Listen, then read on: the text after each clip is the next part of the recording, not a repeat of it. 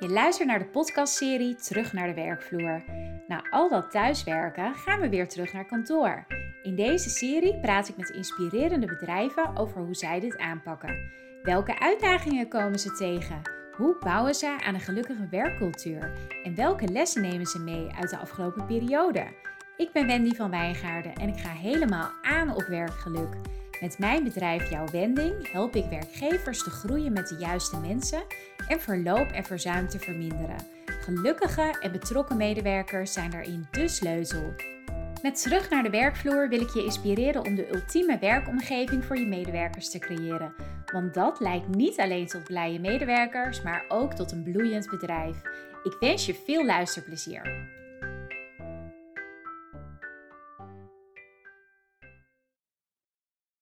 Yes, Wouter, welkom in de podcast. Dankjewel, Wendy. Leuk dat je er bent. En um, nou ja, wij hebben net al, uh, al uitgebreid zitten, zitten voorkletsen. Uh, maar daarvan gaat denk ik zo meteen ook nog wel wat uh, in het podcastgesprek terugkomen. Wacht ik wel. Als eerste de vraag waar ik elke podcast in deze serie mee begin. Want ik zie jou nu uh, zit, jij, zit jij in een slaapkamer? Het lijkt ook een beetje nee. alsof je op de overloop zit. Ik zit, uh, ik zit thuis in mijn woonkamer. Ah, en uh, nou ja, dan, dan is mijn vraag: hoe ziet jouw ideale werkplek eruit? Is dat de plek waar je nu zit of is dat wat anders? Oeh, ja, lastige vraag. Ik denk dat mijn ideale werkplek. Ik vind het wel lastig om daar een eenduidig antwoord op te geven. Ook afhankelijk van mijn werk. Ik heb vorige zomer heb ik een paar weken tijdens uh, uh, in Boedapest gewerkt. Mijn, ja? mijn vriendin is Hongaars. En daar dat je dan de stad inloopt en tussendoor ergens een lekker broodje haalt. En s'avonds het terras op gaat en werken in een mooi appartement. Dat vind ik echt heel mooi. Maar ik vind het ook echt wel heel leuk om bijvoorbeeld met wat collega's op een mooie plek samen te werken. Dus ik denk dat het eigenlijk meer die locatie is. Uh, -hmm. Dat dat het voor mij echt een ideale werkplek zou kunnen maken. En verder, ja, af en toe vind ik het fijn om achter een heel groot scherm te werken. Yeah. Maar ik vind het ook af en toe wel echt gewoon lekker om met je laptop op je schoot te zitten. Ja, dus, dus ik hoor jou zeggen, veel, eigenlijk veel afwisselingen ook in hoe je werkt, uh, hoe je werkplek zelf eruit ziet, maar ook uh, waar die werkplek dan is. Dat dat juist ja. hetgene is wat het leuk maakt voor je. Ja, klopt. En vooral ook die afwisseling. Dus uh, je hebt mensen die vinden het echt fijn om elke dag uh, op, zo'n, op een vaste plek te zitten en een mooi groot scherm en dat soort dingen. Maar ik vind het echt wel lekker. Ik denk dat ik vaak in een week van thuis naar kantoor, ergens in een koffietentje. Ik, ja. ik, ik switch daar wel vaak tussen. Ik vind dat wel, die afwisseling die maakt het voor mij heel fijn. Ja, heel herkenbaar. Ik heb precies hetzelfde. En ook hier in huis, ook in de tijd dat we, ja, dat je eigenlijk niet echt ergens naartoe kon. Um, ik had ook geen, of ik heb ook geen kantoor om, uh, om te werken. En dat ik dan, ja, dan zat ik of aan mijn bureau, of aan de eettafel, of op de bank, of in ja. de keuken aan de bar. en dan heb je toch nog het gevoel dat je een beetje afwisseling hebt. Ja, klopt. En het werkt maar, ook echt wel beter ja. voor mijn concentratie als ik gewoon een beetje zo nu en dan wissel. Ja, ja, ik heb dat ook. Juist, je ziet dat dat heel erg verschilt per persoon. Want andere mensen die uh, vinden het juist heel lastig met dat thuiswerken. Uh, of die, uh, ja, die werken het liefst gewoon op een vaste, vaste plek elke dag. Die, die vinden die afwisseling juist vervelend. Ja. en wij gaan er juist goed op. Ja, fijn hè? Ja. Hey, en um, uh, om nog even een stapje terug te gaan, want we, we hebben nu wel een idee van jou, jouw werkplek. Ja. En dat je Wouter bent, maar ik, ik weet natuurlijk zelf al wat meer. Um, kun je jezelf eens voorstellen en ook wat vertellen over wat jij doet bij Voice en wat je ook als freelancer doet? Ja, ik ben Wouter. Ik werk nu ongeveer vijf jaar bij Voice. Voice levert zakentelefonie aan bedrijven in Nederland, Duitsland, België en Zuid-Afrika op dit moment. En binnen Voice zit ik in het marketingteam. En daar ben ik grotendeels verantwoordelijk voor het maken van alle reclames. Dus alle YouTube-commercials die je voorbij ziet komen, social ads, uh, het regelen daarvan en zorgen dat het uh, op, een mooi, op mooie plekken te zien is. Dat, dat regel ik binnen Voice. Ja. Um, zijn dat dan reclames voor het aantrekken van nieuwe klanten of ja. van nieuwe collega's? Of allebei? Ja, ook wel allebei inderdaad. Het is wel in de breedste zin van het woord. Ehm, en waar zie je die advertenties? Je ziet ze soms door uh, steden heen. We hebben ook wel eens radiocommercials gedraaid bijvoorbeeld. Uh, langs de snelweg, die heb ik ook wel eens geregeld. Maar oh, voornamelijk cool. online.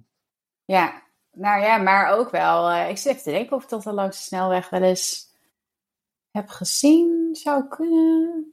Ja, je hebt natuurlijk nu die digitale schermen langs de snelweg, hè? Ja, dus dan uh, um, wisselt het ook vaker af. Ja, klopt. Om de paar seconden wisselt de, de vertoning af. Oh ja. Um, ja, en je, je koopt het in op momenten die uh, handig zijn voor jou als adverteerder. Dus dat is al, ja, je kan de meest, op de meest gekke dingen op dat moment uh, segmenteren. Dus dat je zegt van, hé, hey, ja. ik wil uh, mensen die veel van, rei van reizen houden, dus dan draai je de advertenties vlak bij Schiphol. En zo kies je dus oh, de juiste ja. plekken die voor jou als adverteerder die op dat moment het beste bij jou passen. Ja, precies. Oh, cool. Nou ja, en voor jou lijkt het me ook wel heel afwisselend dat je dus bezig bent met video, maar ook met uh, radiocommercials en dus met van die billboards. Ja, het, het leuke is natuurlijk dat je gewoon van een, nou, vaak van een idee tot de hele uitvoering regelt. dat maakt het voor mij heel afwisselend en natuurlijk het allervetste vind ik dat ehm, mensen jou uh, dingen zien die jij gemaakt hebt. Ja, dus, dat kan me voorstellen. Ja, dat geeft wel een uh, voldoend uh, gevoel. En zeker ook als je eigen werk in, het, in, het, in het wild ziet. Ja, ja, precies. Ja. ja, het is heel zichtbaar wat je doet. Ja. Dus dat, en niet, niet alleen voor jou, maar ook voor, voor anderen. Het is echt iets wat je, wat je kunt aanwijzen van, hey, vraag je wel eens af wat ik nou eigenlijk voor werk doe? Nou, dat is het. Dat is mijn werk. Ja, en ook zeker op van die grote schermen of zo, zeg maar, het wordt daarvan nog echter. En zeker met radiocommercials, dat is echt iets geks hoor. Maar mensen, als mensen je bedrijf hebben gehoord op de radio, dan krijgen we zulke andere reacties dan als je een uh, social uh, advertentie draait, bijvoorbeeld. Aha. Mensen vinden dat echt... Oh, dat interessant. Ja. Blijft dat toch meer hangen of zo? Ja, radio en tv of zo, dat vinden mensen heel ver weg klinken. Dat het echt ruimte is, of iets is voor hele grote bedrijven. Terwijl, ja. Voor een paar duizend euro kan je al wel een, uh, een advertentie draaien, bijvoorbeeld op de NPO. Mm -hmm. In de, hoe dat, op NPO Start en al dat soort dingen. Ja. Um, maar mensen vinden het heel ver weg klinken. Terwijl het voor best wel ja. bedrijven best wel bereikbaar is. Ja, oh, leuk om te weten. Dat, ja, uh, ga ik ook onthouden. voor, uh, voor recruitment kan het ook nog wel eens interessant zijn om eens een keer het echt groot aan te pakken. ja, dat zou wel een goede optie kunnen zijn hoor. Ja, ja, leuk. Hey, en um, uh, nou ja, voice, je, het, beeld wat ik van jullie heb is dat dat hele online remote werken, dat dat al iets was wat jullie ver voor alle lockdowns al, al konden doen. Ja, um, en deden jullie dat ook al? Dus kun je, kun je me eens een beeld geven van hoe, hoe jullie pre-corona werkten en wat er veranderde op het moment dat er door de overheid werd gezegd van hé, hey, we gaan nu allemaal thuiswerken? Ja, een mooi voorbeeld is wel, ik denk uit mijn hoofd, zes, zeven jaar geleden, toen alle bedrijven nog echt uh, vastzaten aan hun kantoor, daar vaste toestellen hadden staan en zorgden van, nou, als de telefoon overgaat op kantoor, dan moet daar iemand zitten om de telefoon op te nemen. Toen hebben we het hele bedrijf verplaatst naar Spanje en hebben, hebben we tegen niemand verteld dat we daarheen gingen. En hebben achteraf verteld dat we een week lang in het buitenland hadden gewerkt. En dat was zeven jaar geleden, was dat echt mega vooruitstrevend en hebben daar ook wel flink het nieuws mee gehaald. Oh, wauw. Maar jullie hebben dus eh, aan de klanten niet verteld dat jullie nee. uh, in het buitenland... Nee. Oké, okay. ah, wat uh, cool. Voor mij was het in de buurt van Girona. Ik was er zelf niet bij hoor. Maar oh, nee, jij werkte er toen werkte ik er nog niet. En ik moet van iedereen altijd nog de verhalen aanhoren hoe, hoe leuk dat was. um, ze hebben daar een satellietschotel geplaatst voor het internet. en al die in die tijd nog vaste toestellen aangesloten op die satellietschotel.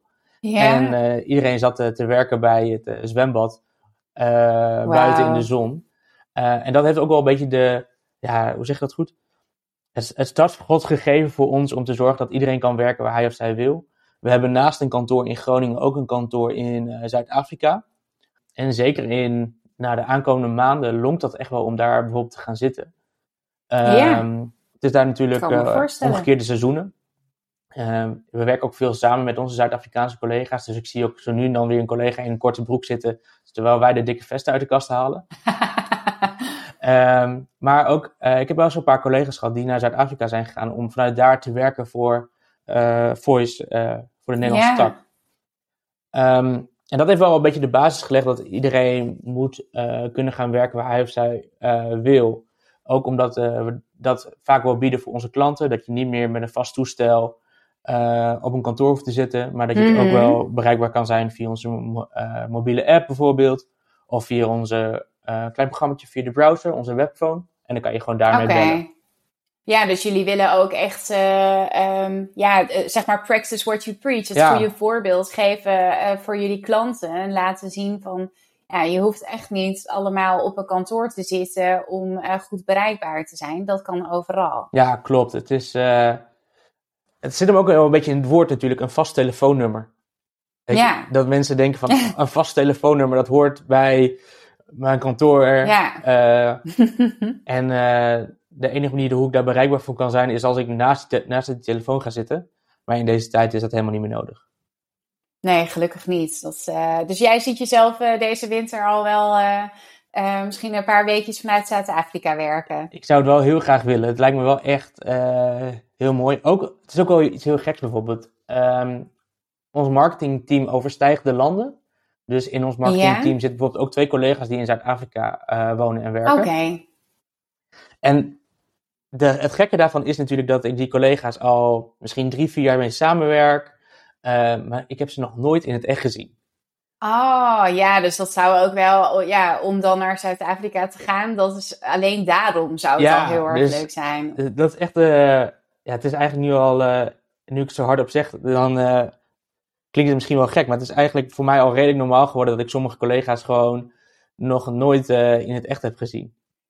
Ja, ja, en dat, ik denk dat, dat steeds meer mensen daar tegenwoordig ook een beetje aan uh, beginnen te wennen. Ja, maar, klopt. Ja, voor heel veel uh, bedrijven is dat iets van de afgelopen anderhalf jaar. Ja.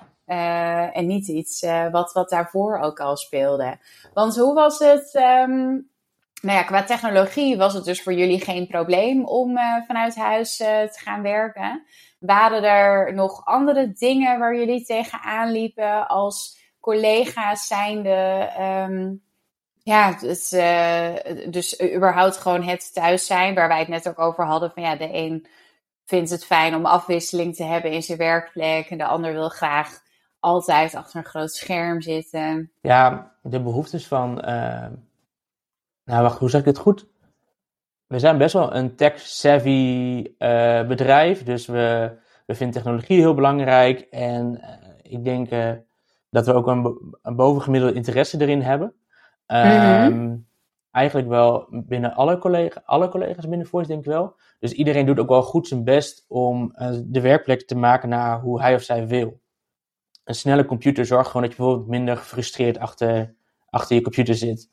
En uh, we, hebben van, uh, we hebben ook allemaal wel redelijk de drang om te zorgen dat iedereen het zo maakt zoals hij of zij wil. Als iemand zegt, hey, dit werkt niet lekker, uh, jij, jij bedoelde net iets dat je iets, een probleempje had met je microfoon bijvoorbeeld. Dan, ja. dan eigenlijk zit het wel in onze aard om op te staan en zeggen: Oh, maar Wendy, kunnen we je die niet nog even mee helpen? Of hoe kunnen we ervoor zorgen dat het wel zo werkt zoals jij, zoals, zoals jij wil? Ja, ja um, precies. Nou ja, je hebt me nu ook een mooie tip gegeven ja, hè, voor ja. een, een, andere microfoon ja. die uh, wel altijd werkt. maar ja, ik denk dat op die manier dat iedereen wel echt een werkplek heeft gecreëerd zoals hij of zij zelf uh, graag wil. We hebben mensen die vinden het gewoon nog steeds fijn om achter een uh, kleine computer te werken. Anderen hebben grote schermen thuis staan. Sommigen hebben, wat zag ik nou laatst? Iedereen, sommige collega's hebben bijvoorbeeld een zit-sta-bureau die omhoog of naar beneden kan. Mm -hmm. Maar we hebben ook collega's die hebben een bureau, dat is ook volgens mij een zit-sta-bureau, maar die kan je in een klein kastje verwerken.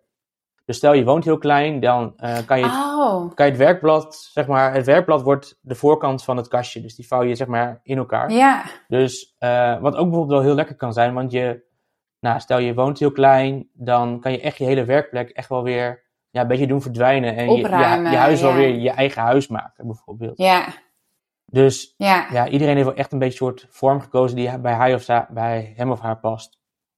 Ja, dat, uh, ja, dus uh, nou ja, dat is ook wel fijn dat, uh, dat mensen daarin zelf dan ook wel nou ja, oplossingsgericht zijn en een beetje creatief. En er het beste van, van maken voor zichzelf. Ja. ik kan me voorstellen dat het wel heel erg druk geweest is voor jullie. Want er zullen veel klanten geweest zijn die een soort paniekaanval kregen. Of viel dat mee? Nou, ja, het wisselt een beetje. Er zijn, je kan bij Voice alles zelf instellen. Dus in principe zou je het zelf moeten kunnen doen, maar er zijn best wel wat bedrijven die eh, graag onze hulp nog uh, even bij uh, gebruiken. Dus zeker toen duidelijk was dat het advies was om thuis te gaan werken, toen heeft de telefoon wel bij ons roodgloeiend gestaan. Um, ja. En de vraag wisselde ook wel heel erg. We hadden veel mensen die zeiden van, joh, hoe, hoe kunnen we zorgen dat dat allemaal mogelijk was? En net een paar weken of tenminste een paar, nou, ik denk een paar maanden daarvoor hadden we een nieuw product gelanceerd. Dat je kon bellen via je browser. Dus heel veel mensen, wat we hebben gedaan, is dat ze, we ze heel snel hebben overgeschakeld naar dat product. Hmm. Dus dan konden ze eigenlijk gewoon bellen vanaf achter hun computer. En dan konden ze dus ook zelf, maar als je in de alle haast wel je laptop hebt meegegraaid, maar niet je het vaste toestel, dan was je alsnog, alsnog bereikbaar. Dus uh, ja. dat heeft er wel voor gezorgd dat veel mensen op die manier uh, bereikbaar zijn via ons. Oh, mooi. En dus, uh... wat ook nog wel leuk is om te benoemen daarbij is, we hebben ook wel van heel veel bedrijven, of nou, we zijn er alleen maar voor uh, op de zakelijke markt. Maar we mhm. hebben ook wel wat mensen gehad die zeiden van, joh, ik wil graag een uh, luisterend oor bieden aan veel mensen. Of, um, ja, voornamelijk dat. Dus ik wil graag een telefoonnummer de lucht inbrengen voor oudere mensen, zodat die een luisterend oor hebben. En zulke mensen hebben we ook ondersteund in deze tijd. Oh, wow. En iedereen, ja, we, we hadden het al net kort benoemd, we werken ook zelfsturend. We hebben bijvoorbeeld ook twee uh, collega's in dienst die uh, voor ons uh, de lunch maken. Die zaten ook een beetje te kijken van, oké, maar er is nu niemand op kantoor, wat gaan wij nu doen? ja, dus die hebben lunches gemaakt voor, voor de zorg. En zo heeft iedereen, ja, door dat zelfsturende karakter ook wel een soort eigen draai gegeven aan hoe we andere mensen konden helpen op dat moment. Oh, wat mooi. Dat mensen dan inderdaad, uh, ja, dat iedereen ook de regie pakt uh, op zo'n moment en kijkt van, nou ja, wat ik normaal gesproken doe, dat gaat nu even niet meer. Uh, nee. Dus wat kan ik dan doen om toch, ja, toch anderen te kunnen helpen? Ja, van mensen die normaal blogjes schreven, die gelijk blogjes begonnen te schrijven van, oké, maar met deze vijf stappen kan je makkelijk thuiswerken. Ja. Um, oh, collega's die klanten ondersteunen, die gelijk video's begonnen op te nemen met: uh, Oké, we snappen dat je nu snel wil thuiswerken. Hier en hier moet je op klikken. En op die manier ben jij ook weer geweldig bereikbaar. Ja. Het was echt wel. Uh, oh, wat goed. Ik vond het echt wel inspirerend om te zien hoe we met z'n allen dat uh, voor elkaar zorgden dat al die bedrijven weer geweldig bereikbaar zouden worden. Ja, ja, tof. Nou ja, en die zelfsturing, daar zullen we het inderdaad uh, zeker nog, uh, nog wat uitgebreider over hebben zo meteen. Want dat zie je hier dus al heel erg terug. Dat mensen uh, ja, zelf ook met ideeën komen daarvoor. Ja. Um, maar hoe, hoe gaan jullie nu terug naar de werkvloer? Gaan jullie terug naar de werkvloer? Ja, dit is wel echt een lastige vraag. Maar eigenlijk is de conclusie dat we niet zeg maar, terug willen in de vorm hoe het was. Maar dat is eigenlijk denk ik hoe niemand het wil. Het zou namelijk best wel mhm. dom zijn om die lessen die je in anderhalf jaar hebt opgedaan, om die opeens te vergeten en eigenlijk je bedrijf, ja, hoe zeg je dat, anderhalf jaar terug uh, te brengen. Mm um, en daarnaast, we hebben ook best wel wat collega's die gewoon andere keuzes hebben gemaakt. Die hun werk op een andere manier hebben ingedeeld.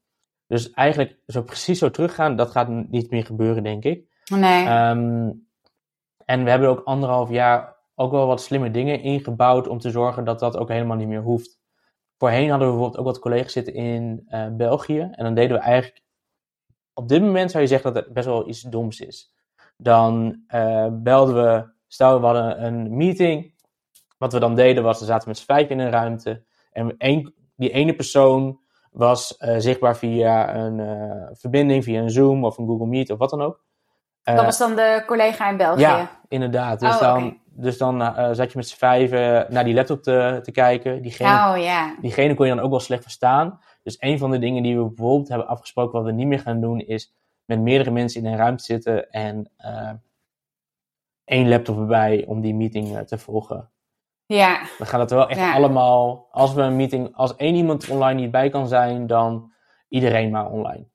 ja. Om te zorgen dat ook. Dat, dat hoor ik ook van meer, eh, Ja? meer bedrijven inderdaad. Die zeggen van, als niet iedereen eh, er echt fysiek Ja. kan zijn, dan gaan we gewoon allemaal online. Ja. Dat je niet half-half krijgt. Want degene die dan moet inbellen, die heeft ook vaak het gevoel dat hij er net niet helemaal bij Klopt. hoort. Eh, ja, het, die kan, ja het is, het is toch anders als jij als enige, of dat er misschien twee mensen eh, inbellen, terwijl de rest in een, in een ja, ruimte zit met elkaar. Dat, eh, eh, ik kan me voorstellen dat dat wel een, een ja, mooie verandering is Ja, voor klopt. jullie. Het zorgt ook wel voor minder gelijkwaardigheid of zo. Op het moment dat mensen ook inbellen, bedoel je? Nou, als je, als je als één iemand er niet fysiek bij aanwezig is, dan, dan voelt het gewoon minder gelijkwaardig. ja, Want diegene moet Ja. misschien een paar keer vragen van... hé, hey, ik kan dit niet helemaal verstaan, of ik kan het niet helemaal zien. Ehm, of die missen dingen. Eh, het is gewoon veel gelijkwaardiger om iets te kiezen waarin iedereen gelijkwaardig is. ja, klopt. Dus, de- dus dat is iets eh, waarvan jullie zeggen van nou, dat, eh, dat is ja, eigenlijk door de omstandigheden moesten we dat anders gaan doen. En dat, daar, we gaan ook niet meer terug naar het oude daarin. Nee, Zijn er nog andere voorbeelden die je kunt geven? Ehm, even denken hoor. We waren al sowieso een heel open bedrijf. Ehm, alles is inzichtelijk voor iedereen. Elke maand worden de omzetcijfers gedeeld en heeft iedereen, eh, ja, iedereen kan het inzien. Iedereen, alle documenten zijn openbaar. En een van de dingen die we de afgelopen anderhalf jaar flink hebben geadopteerd is Notion. Dat is een programma waarmee je dingen kan notuleren Ja, of ik ken bijhouden. het wel van naam inderdaad. Maar het, ik heb er zelf nog nooit mee gewerkt. Nou, we hadden voorheen een orakel, noemden we dat. En als je een vraag had, dan moest je eigenlijk eerst kijken of het antwoord in het orakel stond. Oh ja, dat heb ik gelezen in jullie eh, Ja. personeelshandboek ding document. Ja, klopt. Dus bijvoorbeeld, wat is de wifi-code? Kijk, heb je al in het orakel gekeken? Ehm, hoe, hoe voeg ik een printer toe? Kijk, heb je al in het orakel gekeken? Mhm. ik, moet een, ik moet een pakketje versturen. Heb je al in het orakel gekeken? Zeg maar, al die vragen die iedereen aan de lopende band heeft eh, Mhm. binnen een bedrijf. Ehm, een klant wil eh, zijn, eh, zijn eh, contract opzeggen. Hoe doe ik dat? Al die antwoorden staan allemaal Ja. stonden in het orakel. En we hebben dat verplaatst naar Notion. Mhm. En dat is een tool. Hij is iets vriendelijker voor ons. En, maar we houden er Mhm. echt bijna alles in bij. Ehm, zo vind je daarin dat vanochtend hebben we, hadden we een kleine afspraak met wat collega's. Eh, de aantekeningen daarvan staan in Notion. Wat staat er nog meer in Notion? Mijn to-do-list staat in Notion. Eh, projecten staan allemaal in Notion. Eh, noem allemaal maar op, maar iedereen, alles staat in Notion. Dus het gekke is bijvoorbeeld, er staat een lijst in van alle to-do-items van iedereen staat in Notion. En je filtert gewoon op Wouter en dan zie ik alleen mijn to-do-items. Maar het bizarre is dus, Oh, ik kan dus van iedereen al zijn to-do-items zien. Dus als ik gewoon benieuwd ben naar, goh, waar, eh, waar is Wendy mee bezig? Dan kan Mhm. ik in Notion eh, dat allemaal terugvinden. En het zorgt voor heel veel transparantie. En ik denk dat dit wel iets is waarin, ehm, waar we veel aan hebben gehad, ook in coronatijd. En ook eh, in de toekomst wel. Dat ja, al die simpele vragen, iedereen kan ook meer tijdafhankelijk werken. Dus als stel jij zou zeggen van, goh, ik vind het fijn om drie uur in de ochtend te werken. En dan ga ik met, mijn, met mensen wat lunchen. En dan werk ik s'avonds wat langer door. Ja, Ehm, ja. dan kan best zijn dat je de vraag hebt, hoe werkt de printer? Of wa- waar vind ik de wifi-code? Dan kan je dat Mhm. dus nu v- volledig zelf eh, vinden en ben je minder afhankelijk van anderen. Hoe een meeting is verlopen, wat de uitkomsten daarvan was. Van, dan hoef je dus niet meer mij te vragen van, goh Wouter, waar kan ik die aantekening vinden? Je weet waar je de aantekening kan vinden. ja. En op die manier kan, kunnen mensen veel ehm, onafhankelijker van elkaar werken. Ja, en, en ik kan me ook voorstellen dat als er dus iemand eh, onverwachts eh, ziek is, eh, dat je dan ook makkelijker kunt zien van, oh wacht, dit was de to-do-lijst van die persoon. Eh, weet je, ja, heel lullig gezegd, als iemand onder een bus komt of zo, Ja, dan, dan kun je wel makkelijker ook zien waar iemand anders mee bezig was. En zeker als je elkaar niet eh, elke dag op een kantoor ziet, dan. Ik, ik denk dat het nu ook wel minder is, maar ik, ik weet zelf nog dat. eh, het is echt iets wat ik heb moeten afleren, maar in mijn beginjaren toen ik werkte, Ja. dat het altijd. eh, ehm, dat je ook het, dat, ja, dat ik echt ben opgevoed met het idee van de mensen die de hele tijd druk ziet zijn en die lange dagen maken, dat zijn de mensen die het hardst werken. Ehm, terwijl uh, op het moment dat je echt naar zo'n to-do-lijst uh, zou gaan kijken, ja. uh, dan kun je erachter komen dat iemand die, nou ja, die, die misschien als laatste op kantoor binnenkomt en als eerste vertrekt, wel super efficiënt werkt. Of ja. misschien s'avonds ook nog dingen doet wat niet zichtbaar is. dus dat ook het, um, ja, dat, dat, dat je ook niet zo snel meer gaat beoordelen op uh, hoeveel ben je zichtbaar, maar meer op ja, wat doe je. Ja, klopt. En het zorgt voor uh, ook veel serendipiteit. Of eigenlijk mm -hmm. datgene wat je voorheen had op een kantoor. In het uh, Engels heet het een watercooler topic. In het, in het Nederlands wordt het vaak een koffiezetapparaat gesprek genoemd. Ja, ja. Dat je toevallig ziet van, oh hey, waar ben je mee bezig? Dat je even vraagt aan iemand, hey, waar ben je nou mee bezig? Niet om te controleren, maar gewoon uit interesse. Uh, en als je alle to-do-list items ziet van iemand, of gewoon eigenlijk van het hele bedrijf, mm -hmm. uh, dat is heel onoverzichtelijk. Maar je ziet wel bijvoorbeeld, hé, hey, maar Wendy is uh, bezig om daar, en daar, daar en daarmee. Maar daar weet ik ook superveel van over. Zo kwam ik erachter ja. dat een van mijn collega's die zag dat ik een afspraak met jou had. Die zei, oh, ik luister naar de podcast van Wendy. Echt waar? Ja, oh, dat had ik, had ik je nog helemaal niet verteld. Maar een van die collega's zei, oh, maar Wendy, die ken ik wel. Dat vind ik, die, die podcast luister ik wel eens. oh, wat cool. Ja, ja dus dat, uh, nou ja, het, uh, ik denk dat dit inderdaad een hele mooie tip is voor mensen uh, om misschien ook met zo'n soort tool te gaan werken. Om meer inzichtelijk te maken van waar ben je mee bezig. En dat je inderdaad, doordat je ziet waar anderen mee bezig zijn, dat je er ook makkelijker op kunt inhaken en er iets aan kunt toevoegen. Ja, klopt. Ja, zeker. Vooral die, die tool, ik denk dat voornamelijk het belangrijkste is die openheid. Dus wees, ja. wees niet bang, zeker in deze tijd, om, uh, om uh, meer, te, meer te delen. Om, uh, ik zeg ook altijd, er is, er zijn no je kan nooit te veel updates geven. Over, nee. over iets waar je mee bezig bent. mensen, als je denkt van nou, ik heb daar al zoveel over verteld, dan je kan er altijd nog meer updates over geven. Ja. ook al is het voor jezelf. En het voordeel is dat, omdat wij zoveel notuleren en bijhouden, kunnen mensen mm -hmm. ook heel mhm. veel dingen uh, terugvinden. Uh, dus als je wil weten waarom we voorheen een bepaalde keuze hebben gemaakt of dat soort dingen, dan uh, kan je het allemaal terugvinden. Er is ja. ook een bedrijf waar we veel inspiratie van haal, vandaan halen, dat is GitHub. Ja, um, nou, wat doet GitHub? Hoe leg je dat goed uit? Um, ja, het is een, een platform waar developers hun, ja, wat is het, hun code met elkaar ja, kunnen delen. Ja, nou, die, die zijn nog een stapje verder gegaan. Voor mij hebben die, zelf, die hebben op dit moment sowieso geen kantoor, weet ik. Maar een van de dingen wat zij doen is, wij gebruiken ook Slack als communicatieprogramma. Uh, ja. Maar zij hebben afgesproken voor mij dat elke drie maanden Slack leeggehaald wordt. Dus dat je niks meer kan terugvinden. Met als wow. achterliggende gedachte dat je dingen maar goed moet bijhouden. In een ander systeem.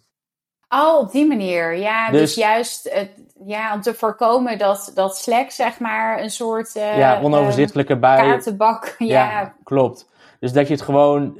Nou, ik denk, uh, ik zag een klein beetje angst in jouw ogen. Ja. dus... Nou ja, ik, ik dacht zeg maar, als Slack hun hun notion is, dan, ja. dan schrik ik er wel van, van elke drie maanden alles weggooien. Maar het is dus juist om te stimuleren dat mensen niet alles maar in Slack uh, uh, alleen maar uh, Ja, dat je, dat, ik denk ja, dat, de, dat de algemene strekking zou moeten zijn dus dat je dingen bijhoudt en duidelijk notuleert en in plaats van denk van, oh ja, ik kan het ooit wel weer terugvinden, maar dat je het op die manier mm -hmm. nooit meer kan terugvinden. Ik vond, ik, ja, ik vond ja, dat, dat is eigenlijk wel next level hoor, ook voor ons. Dat je denkt van, oké, okay, ik kan, ja, bijvoorbeeld ook voor andere bedrijven die mail gebruiken als communicatie, dat je dan denkt, elke drie maanden, we gooien alles weg Um, ja, dat, uh, maar denk daar maar eens over na, want het zorgt er wel voor dat, uh, dat je misschien denkt, oeh, ik moet even iets meer gaan bijhouden. Ja, dat, ja, ik kan inderdaad in mijn mailbox wel heel veel terugvinden. Wat denk ik ook een voordeel ervan is. Um, ja, op mijn, bij mijn vorige werkgever gingen we op een gegeven moment met SharePoint werken. En dan dat, dat raakt zo snel vervuild. Ja. Uh, met, met allemaal uh, oude, oude shit. dus uh, ja, ik, weet, ik weet niet of je dat met. Ja, waarschijnlijk dat je dat risico met Notion ook wel loopt. Of met elke tool Klopt. die je gebruikt. Ja, je moet, Ja. Je, moet, eh, je moet ook even kijken af en toe van... hey, kan er niet op een bestaande plek? Of moet ik even iets updaten? Of als je iets wijzigt, denk je... oh ja, maar dan moet ik ook even op die pagina weer aanpassen. Of dat soort dingen. Ja, Je moet het bijhouden. en niet alleen maar nieuwe dingen eraan toevoegen. Ja. Nou, dat is zo. Hey, en ik hoorde jou net iets zeggen over eh, communicatie. Of over, je kunt nooit genoeg eh, updates eh, geven. Ehm, ik ben daar wel benieuwd naar, want dit is iets wat ik bij veel bedrijven hoor en wat ik ook eh, bij vorige werkgevers heb ervaren dat eh, heel veel medewerkers eh, vaak het gevoel hadden van ja, wij worden niet op de hoogte gehouden. Terwijl Ja. er dan wel bijvoorbeeld een wekelijkse nieuwsbrief eh, gemaild werd, maar die werd dan niet gelezen. Mhm. Eh, hoe doen jullie dat bij Voice? Hoe zorgen jullie dat, eh, ja, dat iedereen de- op de hoogte wordt gehouden of de mogelijkheid heeft om zichzelf op de hoogte te houden? Ehm, even denken hoor, want we hebben wel verschillende dingen. Dus ik zal even een paar noemen. Eh, sowieso dat we Slack als communicatieprogramma gebruiken en dat bijna alles daarin openbaar is. Dus als je wil, kan ik, ja, kan ik in het, onze finance channel zien waar, eh, waar, waar die het over hebben. Ik kan zien wel- welke klantvragen we op dat moment krijgen. Je- kan zeg maar, jezelf wel een soort overloaden met informatie, maar daar moet je jezelf ook een beetje voor waken. Ja. Ehm, en elke dinsdag en donderdag om 's smiddags, dan komt het hele bedrijf samen en geeft iedereen in de digitale stand-up een korte update waar hij of zij mee bezig is. Dat is altijd, Oh, en met hoeveel mensen doen jullie dat dan? Ik denk dat daar vaak een beetje 30, 40 man aan meedoen. En meestal lukt dat wel in een kwartier. Oh, wauw. Ja, dus ik ben hiermee bezig. Ik eh, ben vandaag met Wendy podcast aan het opnemen. Vanmiddag ga ik daarmee bezig. En nou, zo'n korte update is het vaak ook wel. Ja, Vaak alleen Ja. de dingen die een beetje afwijken van eh, je normale werkzaamheden. Ehm, dus dat wordt vaak benoemd. We houden eh, digitale sessies, die noemen we pizza-sessies. Het enige nadeel is dat we op dit moment geen fysieke pizza erbij hebben. Die moet je er altijd maar een beetje bij bedenken. Maar, maar eh, ja, dat gaat ook over uiteenlopende onderwerpen. Dus als er een grote wijziging is of iets wat eh, eh, verandert, dan zijn dat vaak de momenten waarin eh, eh, dat besproken wordt. Eh, en eh, die nemen we ook op. Dus als je er op dat moment niet bij kan zijn, dan kan je later Oh, ja. terugkijken. Eh, ook om te zorgen dat iedereen weer zijn of haar eigen tijd kan indelen. Ja, dat is wel, dat, eh, is wel een mooie. Ja, de- mijn ervaring is toch dat heel veel mensen het dan uiteindelijk toch niet doen. Nee, Eh, en vervolgens dus zeggen van ja, ik hoor nooit, eh, nooit wat. Maar Ja. ik denk dat dat misschien ook wel een verschil is in cultuur binnen het, van het bedrijf. En dan heb ik meteen een mooi bruggetje naar jullie Holacracy verhaal. ja, Ehm, want die, ja, dus dat, dat, dat eh, ik hoor jou veel voorbeelden geven van medewerkers en collega's van jou die initiatief nemen om dingen te doen. En die dus niet zo afwachtend zijn van stuur mij een nieuwsbrief eh, om te horen wat er, eh, wat er speelt. En die open ik dan vervolgens niet. Ehm, kun je eens wat vertellen over, eh over Holacracy? Want ja, ik, ik ben jullie dus ooit op het eh, op het, eh, hoe zeg je dat? Eh, op het oog. op- jullie zijn ooit op mijn netvlies gekomen doordat iemand jullie pers, ja, heet het personeelshandboek? Het, ja het voice Dus, handboek ja, heet die. oh, het voice handboek. Ja, Ehm, waarin dus ook veel naar het orakel wordt verwezen. Ja. Maar ik, ik weet nog dat een oud collega dat toen een keer naar mij doorstuurde. En die zei van, kijk, kijk nou hoe dit document, alleen als je kijkt naar de woorden die er gekozen zijn. En hoe dingen worden uitgelegd. Hoe super simpel eh, het is. En eh, dat het ook heel erg uitgaat van het, van het vertrouwen in, eh, in de mensen die, die het lezen dat is mij toen zo bijgebleven. En dat was ook toen ik begon met deze podcast-serie. Dat ik dacht van ja, ik wil gewoon jullie, jullie hier, hierin hebben. Ehm, maar, dat, maar ja, dus dat, dat Holacracy, dat heb ik er toen misschien ook al wel in gelezen. Of in ieder geval tussen de regels eh, door. Maar kun jij daar eens wat over Ja. vertellen? Ehm, het heeft best wel een leuke oorsprong. Toen wij, eh, Mark Vletten, toen hij het bedrijf oprichtte, dat, dat groeide en groeide. En op een gegeven moment uh, kwam er volgens mij met 15 man. En volgens mij is dat het moment dat er normaal een manager bij moet komen. Um, maar dat voelde heel tegen natuurlijk. En toen hebben ze eigenlijk een soort voice model bedacht. Een manier van Hmm. werken die, waarin die manager overbodig zou worden. Ehm, maar na een poosje uh, stuiten we zelf op het Holacracy model van Brian Robertson. Ja. Ehm, En dat werd werd dus beschreven als een soort besturingssysteem of model voor organisaties. En toen hebben we die geadopteerd. En eh, het mooie van Holacracy is dat het kopieerbaar is. Ik vergelijk het af en toe Ja. wel eens dat je eh, prima eh, met internationale vrienden Monopoly kan spelen. De straat heette misschien zo nu en dan wat anders, maar het spel Mhm. begrijp je wel. Ja. Ehm, en dat is het mooie van Holacracy. Het is dus kopieerbaar voor andere bedrijven. De systemen zijn grotendeels hetzelfde. Ja, het is echt een besturingssysteem van de organisatie geworden. Ja. Ehm, waarin Cool. je werk georganiseerd wordt aan de hand van eh, purpose. Of, daar was een heel raar Nederlands woord voor. Ik moest even te denken wat het was. Opdracht. Volgens mij vertaal je het in, in Nederlands naar, Oh. naar opdracht. Ja. Ja, Eh, dus heb je toch wel een ander beeld bij. ja? Purpose of opdracht, ja. Ehm, en aan de hand van purpose, dus aan de hand van dit is het doel van het bedrijf, we worden weer onderverdeeld naar ja, onderdeel van purpose. Mhm. Eh, en alle afdelingen worden gevormd door cirkels, Ja. ook aan de hand van purpose. Ehm, en zo wordt het weer opgespeeld eh, in rollen. En een persoon kan meerdere rollen hebben. En afhankelijk van ja, je affiniteit krijg je, kan je bepaalde rollen eh, nemen. En als je ook bijvoorbeeld denkt van, hey, deze rol past minder goed bij mij, dan heb je ook weer de mogelijkheid om te zeggen, hey, ik zie toch weer af van deze rol. En eh, kan die vervuld worden door iemand anders. Hmm. Ehm, en een van mijn rollen binnen Voice is dus het maken van commercials. Maar ook eh, het zorgen dat we als bedrijf eh, up-to-date zijn qua holacracy. Dat collega's worden getraind daarin. Dat is ook een van mijn rollen. Dat, dat is eigenlijk wel gek, Oh want ja. binnen een standaard bedrijf zou je misschien zeggen... hé, hey, dat is een taak van HR. Ja. Ehm, maar dat is veel, in holacracy is dat veel, eh, ja, ve- veel minder strak geregeld. En dat maakt het ook wel weer mooi. Dus het kan best wel zijn dat je een bepaald interesse hebt. Ehm, een van mijn collega's die is verantwoordelijk geworden voor bijvoorbeeld, even denken, wat zag ik nou laatst? Oh ja, die regelt eh, onder andere de lunch. Of althans, dat a- alles rond de lunch geregeld wordt. Mhm. Maar daarnaast eh zorgen ze ervoor dat eh, andere bedrijven geweldig bereikbaar zijn. Dus zo nu en dan loopt ze even een uurtje naar beneden en zegt ze, Ja, oh ja, wat eh, ja. moet er allemaal geregeld worden, dit en dit en dit.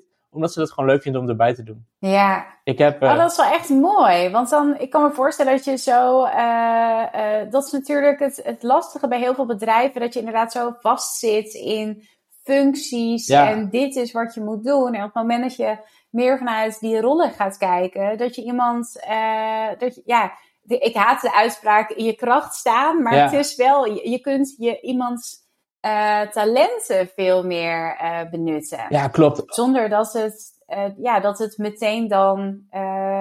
ja, wat jij zegt, van ja, je, iets waarvan je zou denken, oh, dat hoort bij HR. Ja, Ja. als er iemand anders is die er blij van wordt en die er goed in is, waarom kan het dan niet bij die persoon liggen? Ja, klopt. En een ander mooi voorbeeld vind ik wel, we hebben ook iemand die is verantwoordelijk voor alle leaseauto's. Ja? Dat doet hij diegene er ook gewoon ja, naast de normale werkzaamheden. Mm, Want dat kan hij er prima mee co- eh, combineren. Het gek is ook, ja. ook eh, we, ver- we vergelijken het vaak ook wel naar- met eh, je privéleven bijvoorbeeld.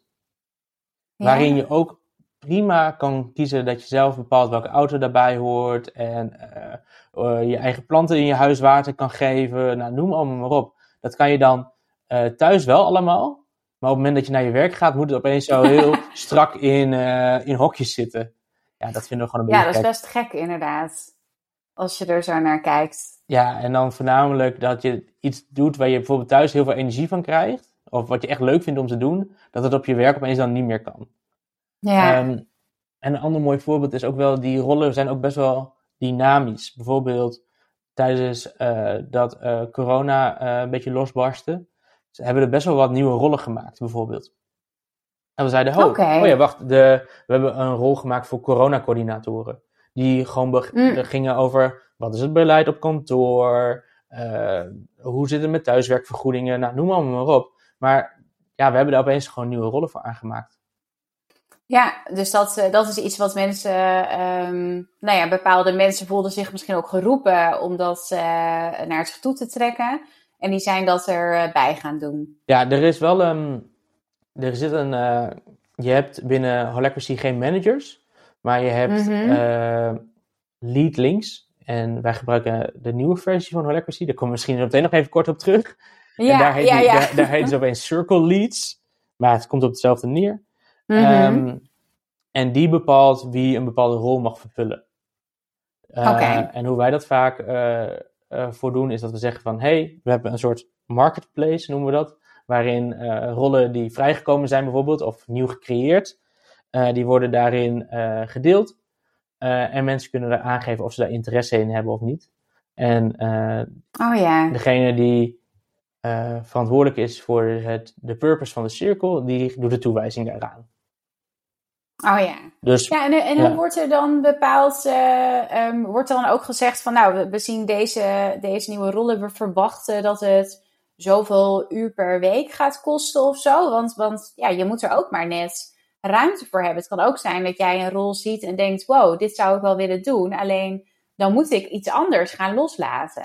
Ehm, ja, dat wisselt soms wel een beetje. Bij sommige rollen Hmm. geeft het wel duidelijk aan. Ehm, een van de rollen die laatst vrijgekomen was, was Captain Planet. Om te zorgen dat wij onze CO2-footprint eh, zo klein mogelijk eh, is. Oh, wat mooi. Eh, en daarin werd wel duidelijk aangegeven van... Oké, bij deze rol moet je er wel rekening houden dat het zoveel uur per week moet, ja, in beslag neemt. Dus ja, precies. ja, dit is het ook een beetje. Je, je vervult de rol ook op een manier hoe jij, of zij, hoe jij, hoe jij wil. Mhm. Een ander mooi voorbeeld is daarvan, je bent verantwoordelijk dat het gebeurt. Maar dat betekent Ja. niet, de, de invulling daarvan mag je zelf bepalen. Mm. Dus we hebben bijvoorbeeld iemand dus- die verantwoordelijk is dat we een schoon kantoor hebben. Maar dat betekent Hoeft niet, niet zelf eh, daar te staan dweilen. En, nee, eh, als jij gewoon een schoonmaakbedrijf, als jij een schoonmaakbedrijf regelt, dan is dat ook oké. Ja, precies. Dus je bent verantwoordelijk voor het resultaat en niet eh, voor de uitvoering. Ja. ja, dus dat je er een vorm aan geeft die bij jou past. Ja, dat kan, dat kan ik me voorstellen. Dat, eh, en eh, ja, je hoeft ook inderdaad niet altijd alles, eh, alles zelf te doen natuurlijk. Nee. Denk je dat, ehm, of ja, welk, welk effect heeft die ja, zelfsturing en ook wel die transparantie? Want die transparantie is denk ik ook wel iets wat hoort bij Holacracy. Ja, klopt. Ehm, welk, welk effect heeft dat verder nog gehad op de afgelopen periode voor jullie? Je hebt al wel een aantal voorbeelden genoemd natuurlijk, dat mensen zelf ook met initiatief kwamen van, oh, ik kan Ja. nu niet meer de lunch op kantoor verzorgen, dus ik ga eh, de lunch eh, in een eh, verzorgingstehuis eh, eh, brengen.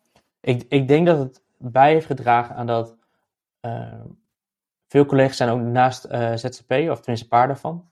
En dat Hmm. maakt wel dat veel collega's heel ondernemend zijn en daarin ook niet bang zijn om beslissingen te nemen. Ja, En dat moedigen we ook wel echt aan. Dus dat je mensen zelf beslissingen nemen.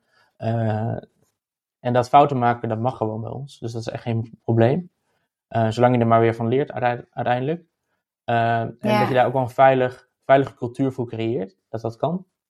En dat dat ons uiteindelijk wel echt verder heeft geholpen. Dat we zeker in deze tijd heel dynamisch zijn geworden. En dat we ook wat sneller vooruit zijn kunnen gaan dan anderen, denk ik. Ja. Op het moment dat ook... ja, omdat jullie dit natuurlijk al veel eerder hadden, hadden ingezet, deze hele eh, transitie. Ja, en dan voornamelijk dat dynamische. En eh, voor ons het volgende niveau is echt wel dat het allemaal veel dat we veel asynchroner kunnen werken. Dus hetgene wat ik net zei, van joh, hou alles, hou alles goed bij, richt allemaal het werk in zoals je zelf wil.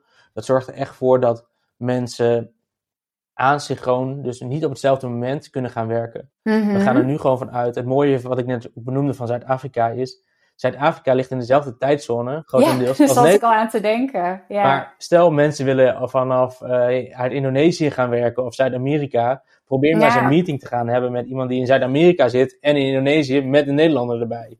Die in Ja. Nederland zit. Ja, dat, dat wordt alleen maar ingewikkelder. Dus Niet te doen. dat asynchroon werken, dat goed bijhouden waarom je bepaalde keuzes hebt gedaan en dat iedereen op dat moment zijn eigen werk kan indelen, ja, dat is echt het, voor ons het volgende niveau daarin. Ja, wat cool. Zie je, zie je daarin nog een gevaar dat als mensen inderdaad allemaal hun eigen moment kiezen om te werken, je hebt dus ook steeds minder meetings uh, met elkaar, dat dan uh, die verbinding onderling, dat je dat, uh, dat dat misschien wat gaat afzwakken?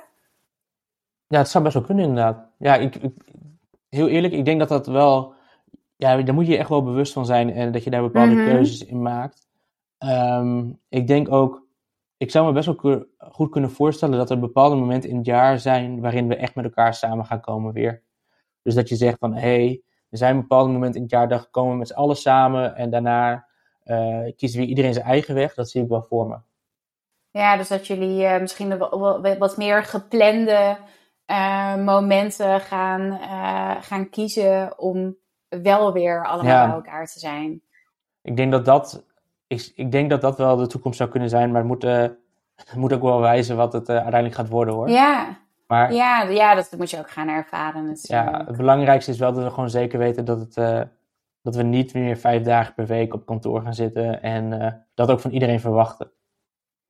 Nee, nee, precies. En, en ik denk ook wel dat het, het verschilt ook per bedrijf natuurlijk hoeveel behoefte er is aan, um, aan veel onderling contact en, uh, en of dat onderling contact dan echt uh, live op dat moment moet zijn. Doordat ja. je uh, met elkaar in een call zit of doordat je samen op kantoor zit.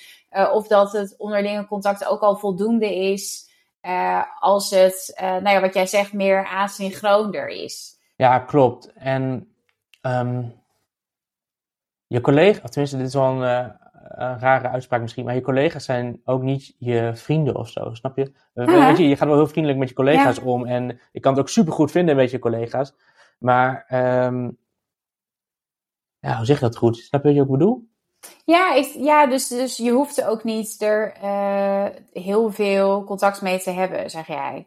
Nou, ook bijvoorbeeld, het is heel mooi als die gezelligheid er allemaal in zit en dat, zeg maar, mm -hmm. dat, dat, dat je naar je zin hebt, dat moet sowieso gebeuren, laat ik dat voorop stellen. Maar um, ik denk dat je bepaalde behoeftes die je normaal tijdens je werk hebt, ook op een andere manier kan vervullen. Ja, dat geloof ik ook wel. Ik, dat kan bijvoorbeeld, ik, maar de... ik kan me ook wel voorstellen dat je bijvoorbeeld uh, in een coworking space gaat zitten en dat je daar zeg maar die behoefte van uh, even je weekendje vertellen of zo, weet je, dat, dat je dat daar ook daar kwijt kan. Uh, misschien met een vorm die misschien op dat moment beter bij jou past. Ja. Um, ik denk gewoon dat iedereen een vorm moet kiezen die bij hem of haar past. Dat, dat sowieso. Uh, maar ja, ik zie, ik zie er toch ook wel een gevaar in. Wat, je nu, uh, wat nu begint te ontstaan op de arbeidsmarkt uh, in Nederland, maar eigenlijk wereldwijd. Is je ziet dat er nu heel veel mensen vertrekken en van baan gaan, gaan wisselen. Ja. Dus er zijn bedrijven die best wel met leegloop kampen. Mm -hmm. En uh, dat wordt deels ook wel veroorzaakt doordat ze door al het thuiswerken um, uh, en door alles wat er de afgelopen tijd gebeurd is. Dus en ze zijn meer gaan nadenken, meer gaan reflecteren over wat wil ik nou eigenlijk? Word ik hier nou eigenlijk nog wel blij van? Ja. En mensen komen tot de ontdekking van ja, als al die leuke dingen, alle gezellige uitjes en het uh, mijn collega's elke dag zien, als dat allemaal wegvalt en alleen nog mijn werk blijft over, dan vind ik eigenlijk helemaal niet zoveel meer aan. Nee. Dus het kunnen ook hele terechte redenen zijn dat mensen vertrekken natuurlijk. Maar wat het wel makkelijker maakt voor ze om, om te vertrekken, is dat ze die, ver, dat die verbinding is al wat minder geworden de afgelopen tijd. Ja. Dus uh, op het moment dat jij heel veel uh, contact hebt met je collega's en leuke dingen met elkaar doet, dan zul je waarschijnlijk langer uh, het nog aankijken bij een bedrijf dan dat heel veel mensen nu doen. Ja. Dus hoe, hoe, hoe kijk jij daarnaar? Of is dat iets, ja, heb je dat ervaren ook bij Voice? Mm, nou, Even denken hoor. Volgens mij is het.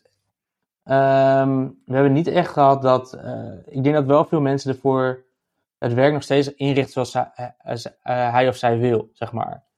Uh, en um, die mensen die heel erg behoefte hebben, hebben aan veel mensen zien of zo, die, die zie je ook wel sneller weer terugkomen naar een kantoor toe. Hmm, Maar ja. het, wisselt gewoon heel erg per, per persoon. En we hebben echt wel collega's gehad die zeggen van... Oké, ja, ik wil zo... Als, eh, als het kantoor weer open is, dan ga ik eh, bijna wortels schieten op kantoor. Weet je wel, dan ga ik, ga ik gewoon weer vijf dagen per week op kantoor zitten. En eh, het spectrum is gewoon heel groot. Van die kant tot aan mensen die zeggen van... Joh, ik ga gewoon één dag in de week naar kantoor misschien. ja. Of misschien één keer in de twee weken. Ik zie het wel, weet je wel. Eh, en iedereen maakt er wel echt bepaalde keuzes in die bij hem of haar passen. En het kan natuurlijk allemaal. Dus inderdaad, Ja. degene die wel behoefte heeft aan heel veel op kantoor zijn. eh, het is niet dat het niet mag. Nee, klopt. Diegene kan dat dan ook gewoon doen. En eh, ik ehm, benoemde net natuurlijk wel het mooie beeld van eh, eh, je werk in Zuid-Afrika bijvoorbeeld, of op andere mooie plekken. Ehm, maar iedereen eh, moet zeg maar daar eigen keuzes maken. En eh, alleen het belangrijkste vinden we wel dat, dat je daar die gelijkwaardigheid inhoudt. En dat iedereen zijn Ja. werk kan organiseren zoals hij of zij wil. Nou ja, dat, ik, ik denk dat dat ook wel, ehm, dat jullie daar ook wel heel veel aan doen. Ja. Om, dat, eh, om dat te bewaken. En ja, weet je, autonomie is iets wat heel veel mensen, ehm, wat ja, ook uit onderzoeken blijkt van dat is, en heeft een hele grote bijdrage in het werkgeluk van mensen. En ik denk dat je dat bij Voice eh, heel erg hebt door de manier waarop jullie werken. Dus dan, ehm, ja, die autonomie kan me voorstellen dat dat uiteindelijk, voor mij zou dat zwaarder wegen dan de verbinding. Ja, ik denk, ja, en het zorgt ook wel. ehm, natuurlijk zoek je af zo nu dan nog steeds wel afstemming hoor. Maar dat Ja. je gewoon eh, zo autonoom kan werken, dat is inderdaad echt heel fijn. Ja, dus, dus de mensen die kiezen voor Voice, dat zijn ook de mensen die daar, eh, die, die dat heel prettig vinden. Ja, het zijn, het zijn echt wel mensen die over het algemeen eh, heel ondernemend zijn. Ja, En er zit, er zit echt in eh, hele, hele gekke dingen. Ik zit even te denken hoor. ja daar word ik wel Ja. benieuwd. Eh, nou ja, sowieso dus dat er best wel veel mensen ook eh, freelancen naast een eh, baan bij ja, dat. Blijkt dat ehm, ondernemende ook We, we uit. hebben nog een eigen stichting, 48%. Dat slaat op de, het percentage van mensen die geen toegang hadden tot vrije en open communicatie op dat moment. Dus Oh. over de hele wereld gezien. Dat percentage Aha. is op dit moment al eh, iets naar beneden gegaan. Ehm, daar zetten bijvoorbeeld ook wel wat collega's van mij zich voor in, omdat ze het, onder, om- omdat ze het onderwerp zo belangrijk vinden, bijvoorbeeld. Ja, Ehm, ik, ik heb zoveel collega's die eh, zo nu en dan eh, geld ophalen voor een goed doel, door middel van een sportactie of zoiets. Ja, het, Hmm. het zit er gewoon. Dat ondernemende zit wel op verschillende momenten in, ja. in iedereen, maar op een, voor ieder op een eigen manier. En dat, ja, dat vind ik echt wel eh, mooi om te zien. Ja. ja, en dat kan dus ook. Ja, Daar krijgen ze ook de ruimte voor. Dus dat is wel mooi. ja, klopt. Ehm, ik zit ondertussen even naar de tijd te kijken. Eh, want wij, eh, wij kletsen lekker door. Ehm, voordat ik de laatste vraag ga stellen, is er nog iets wat jij zelf nog kwijt zou willen? Ja, ik zit even te denken. Ja, ik denk als mensen toch iets van ons gesprek mee zou moeten nemen, is kijk of je eh, het werk op een andere manier kan organiseren. Dus eh, dat mensen eh, niet op zoek gaan naar die bevestiging altijd. Van is dit zo goed, dat soort dingen. Maar laat ze gewoon hun eigen keuze in maken. En daarin moet je vooral de vergelijking zoeken naar hoe je het voor je eigen leven privé regelt, bijvoorbeeld. Grote financiële keuzes die ehm, bijvoorbeeld een hypotheek afsluiten of dat soort dingen, die Mhm. overweeg je privé ook echt supergoed over het algemeen. Eh, Ja. En waarom zou je grote uitgaven voor een, voor een bedrijf, die moet je eigenlijk op dezelfde manier misschien zien. Dus er niet van uitgaan, oh ja, mijn manager kijkt er nog wel naar. Maar probeer diezelfde gedachtegang die je bijvoorbeeld thuis hebt, ook toe te passen op je werk. En ik denk Ja. dat daarmee misschien wel op betere beslissingen en keuzes komt. En dat je ook prima kan ver- verantwoorden waarom je een bepaalde keuze hebt gemaakt. Ja, ja, inderdaad. Ja, het, het is ja, eh, gezond verstand. Daar Ja. kom je natuurlijk al een heel eind mee. Ik, zei het, ik zei het pas ook tegen een coachie van me die ehm, eh, best wel veel om goedkeuring vroeg op haar werk. Terwijl ze stiekem wist dat het helemaal niet nodig was. En ze wat ook steeds terugkreeg van joh, je hoeft het niet te laten checken. Je weet echt wel hoe het moet. Eh, dat is een uitspraak die ik ooit een IT-manager hoorde zeggen. Act now, apologize later. Ja. En ik denk dat, dat dat er ook wel een beetje mee samenhangt. gebruik je gezond verstand en durf ook zelf regie te nemen en verantwoordelijkheid te nemen.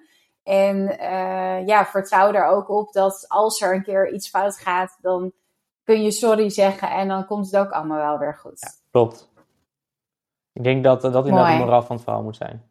Ja, nou, dat is, uh, ja, ik vraag me af of die laatste vraag dan nog nodig is. Maar, um, uh, want dat is namelijk, die stel ik ook aan iedereen. En dat is uh, welke les of ervaring uit de afgelopen periode neem jij mee in jouw post-COVID way of work? Oeh, ja, ik denk dat ik daar nog een ander antwoord op heb.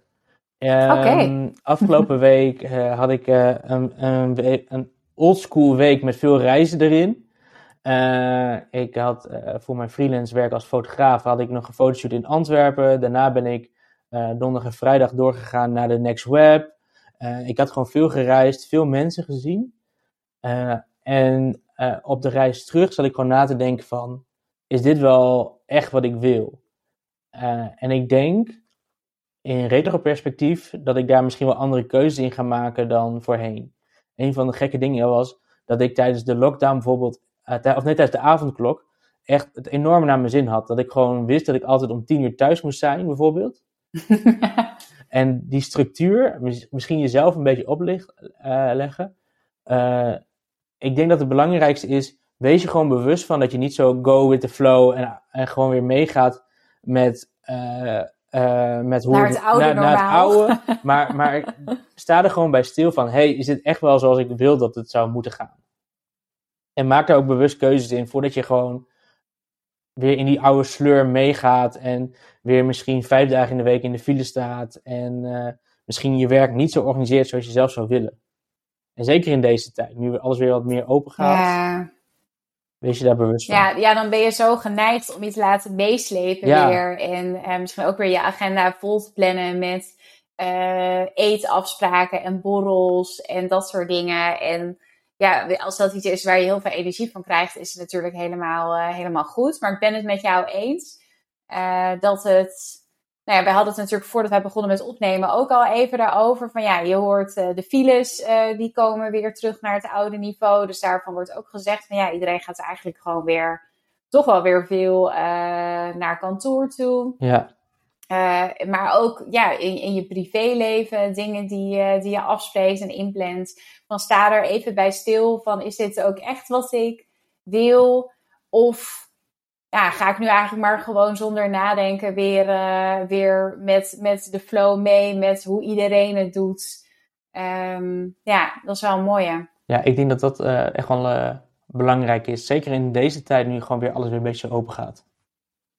Ja, af en toe, of af en toe, misschien best wel vaak even bij jezelf inchecken van uh, bij de keuzes die je maakt. Van ja, maak ik deze keuze nu omdat ik het wil? Of maak ik deze keuze omdat het vroeger ook altijd zo ging? Of omdat andere mensen het doen? Nou, dat uh, vind ik een mooie afsluiter. Ik ook. ja, leuk. Um, Oké, nou ja, Wouter, ik wil jou heel erg bedanken voor, voor het leuke gesprek. En uh, ik, ik merk dat ik echt helemaal uh, overloop van, van inspiratie en enthousiasme. Dat ik denk, oh ja, dit, die zien, dat is echt wel heel vet. En um, Notion ga ik ook onthouden. Uh, dus uh, je hebt mij in ieder geval weer uh, ja, leuke ideeën gegeven. En ik hoop dat dat ook geldt voor de luisteraar. Ja, ik vond het ook leuk, dus, Wendy. Um, ja, nou ja, heel erg bedankt.